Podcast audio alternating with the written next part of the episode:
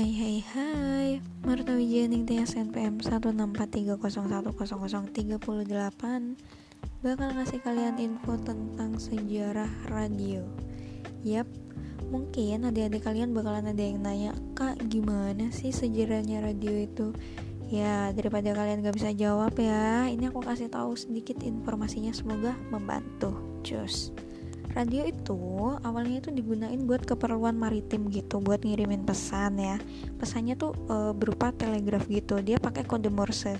Itu digunain e, dari kapal ke penerima di darat gitu. Yang waktu itu menggunakan teknologi ini itu angkatan laut Jepang ya. Dia tuh digunain buat mata-matain Rusia waktu perang Tsushima tahun 1901 oh lama banget ya belum lahir nih kita lanjut ya.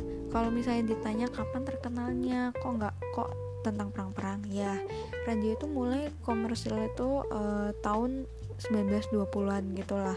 Itu baru populer-populernya pesawat radio terutama di Eropa sama Amerika Serikat ya.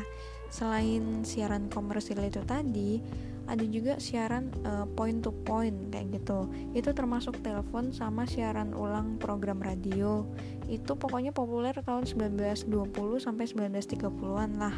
Seperti itu.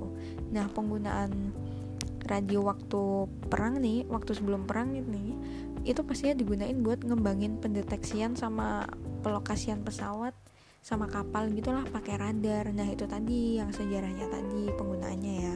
Kalau misalnya yang sekarang radio itu banyak digunain dari gelombang radionya bu, termasuk buat jaringan nirkabel komunikasi segala jenis ya kan?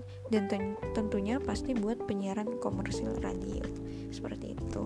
Ya gitu aja kayaknya info singkat dari Marta ya. Semoga sedikit membantu lah kalau misalnya ada yang nanyain kayak gitu ya. Sekian dari Marta. See you and bye bye